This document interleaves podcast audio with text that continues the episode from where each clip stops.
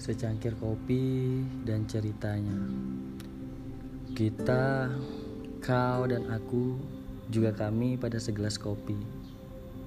Aku espresso, kau es kopi.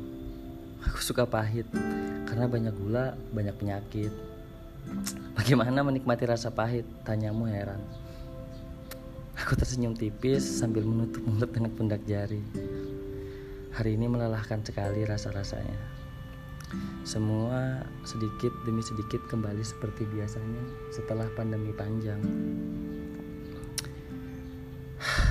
Kopi. Sore itu, seorang peracik kopi sibuk dalam barnya.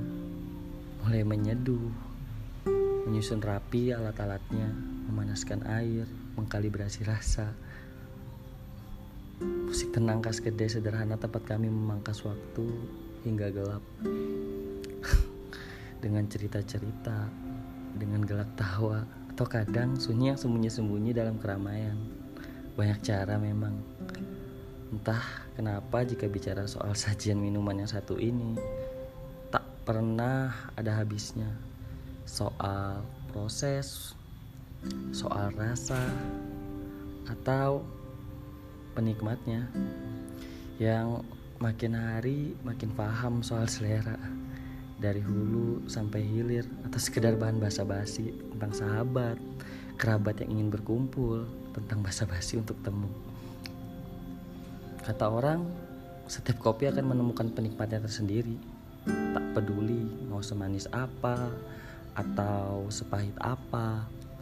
Tak peduli akan semurah atau semahal apa. Mereka yang tengah jatuh cinta akan sulit menemukan alasan untuk tidak menyukai.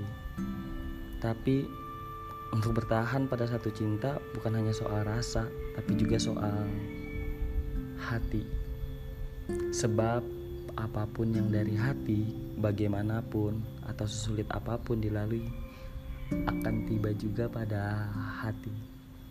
Seperti kopi dan segala macam cerita-ceritanya.